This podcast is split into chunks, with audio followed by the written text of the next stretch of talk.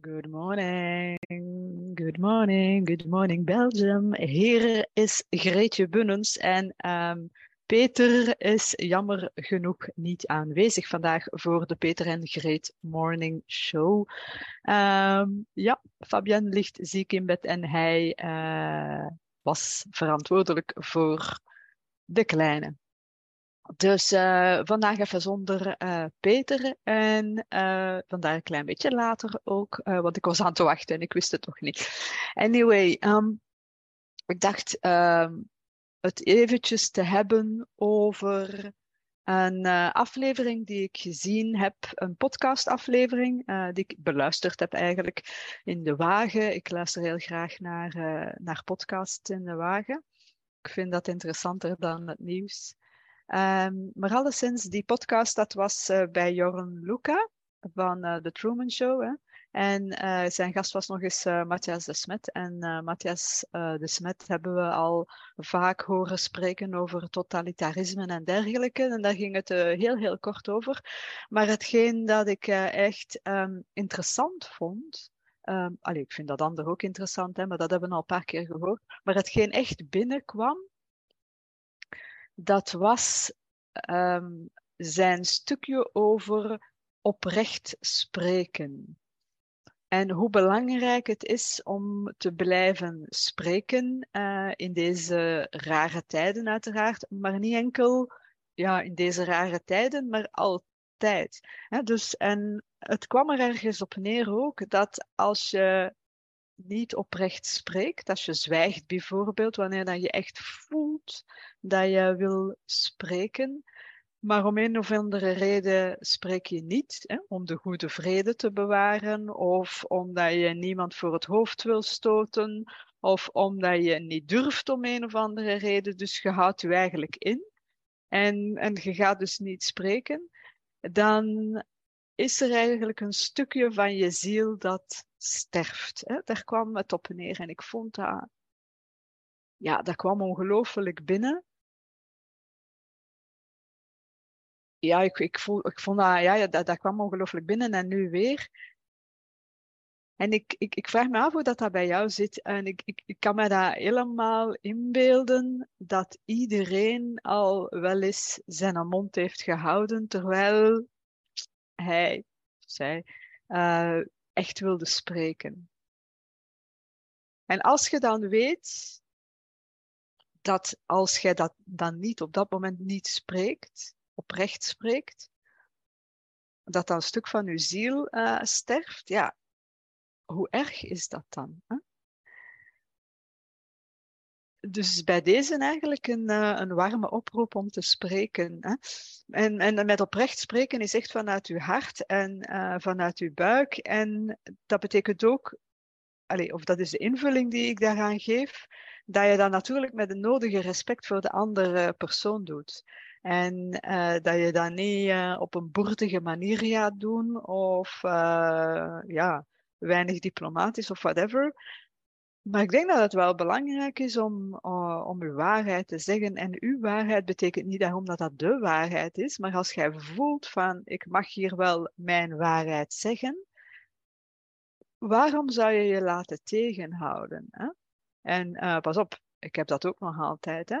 Maar ik moet wel zeggen, na het beluisteren van die podcast van vorige week, ben ik daar zeer. Uh, ben ik daar nog, nog attenter op geweest. Want ja, waar laat ik me waar maak ik mezelf monddood? Hè? Bij, uh, en dat hoeven geen, geen, weet ik veel, gekke dingen zijn. Hè? Het voorbeeld dat hij aanhaalt in die podcastaflevering gaat over uh, als je op restaurant gaat en uh, de, um, de, de kok komt u vragen of de ober komt vragen of dat het lekker was.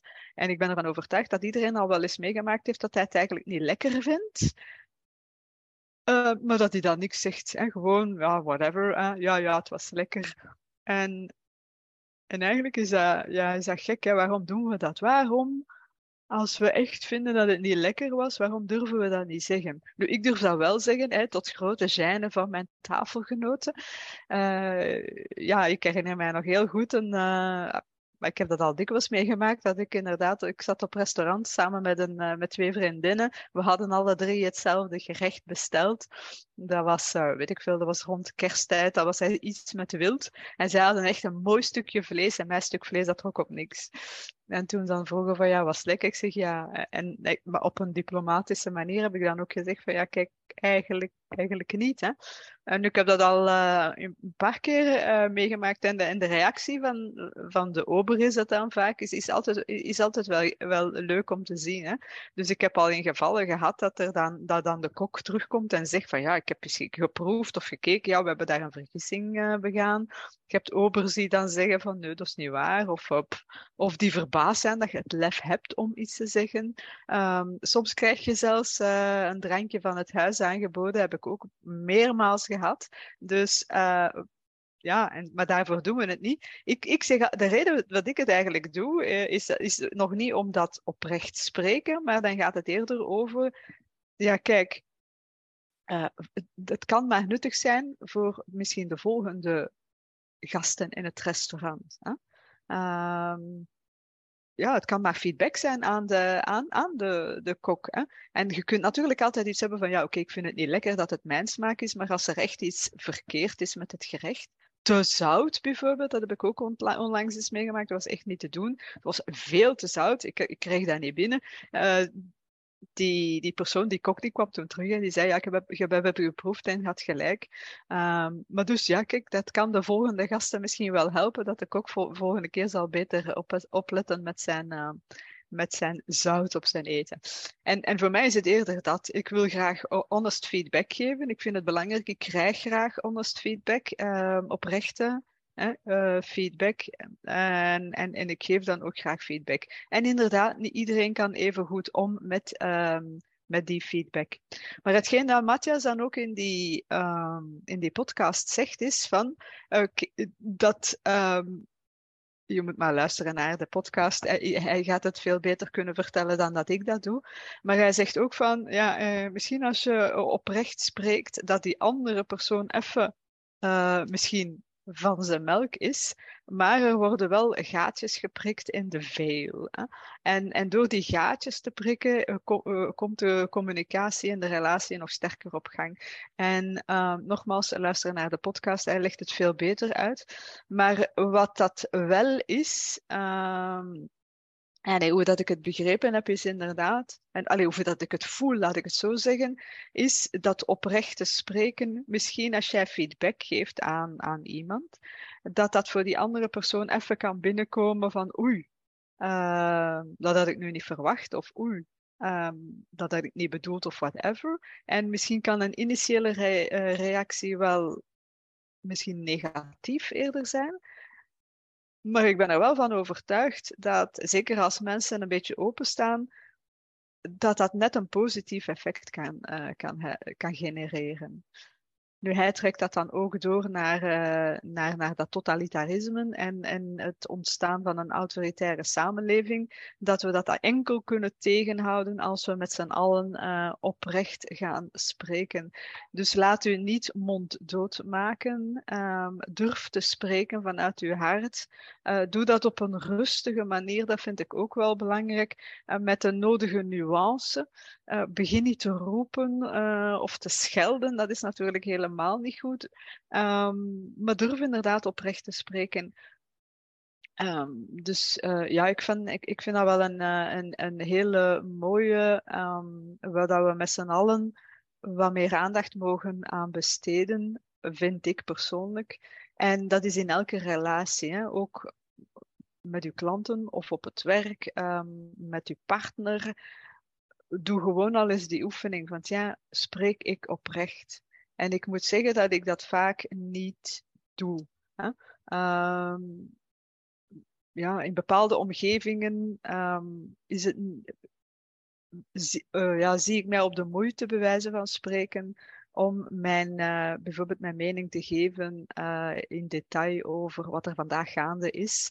Um, in de, in, in de coronavaccinatie gebeuren, um, maar ook in, in, in de manier waarop wij onze democratie naar de, naar de botten is, ons financieel stelsel is aan naar de botten is. Ik heb daar een, een, vragen over, ik heb daar bepaalde meningen over, maar in sommige omstandigheden of bij sommige mensen ga ik die niet altijd uiten. Je moet dat ook niet altijd uiten, denk ik dan. Ehm, maar als iemand u echt die vraag stelt, dan denk ik dat je wel mag oprecht gaan, uh, gaan spreken en uw klein laten maken of klein, uh, klein houden. Dus uh, ja, dus een, ja, dat is eigenlijk een, een mooie oproep, denk ik, naar iedereen om als je voelt dat iets niet klopt, als je voelt dat je moet spreken, wel, doe het dan. Um, zwijg niet langer.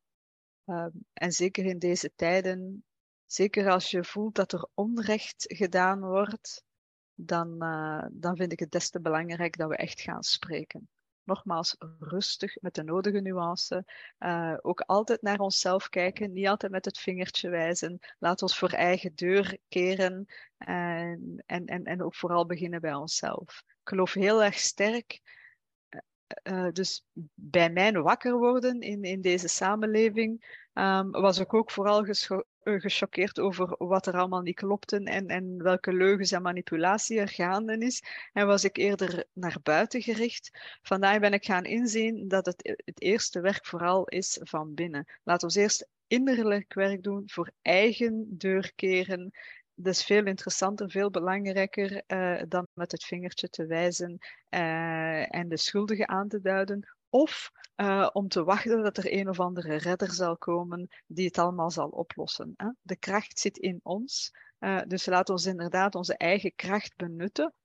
Um, en dat begint onder andere bij dat innerlijke werk en bij dat oprechte spreken.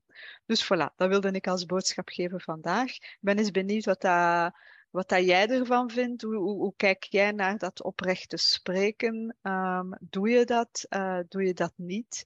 Uh, breng je daar de nodige nuance in? Laat je jezelf soms monddood maken of klein houden? Uh, waarom doe je dat dan?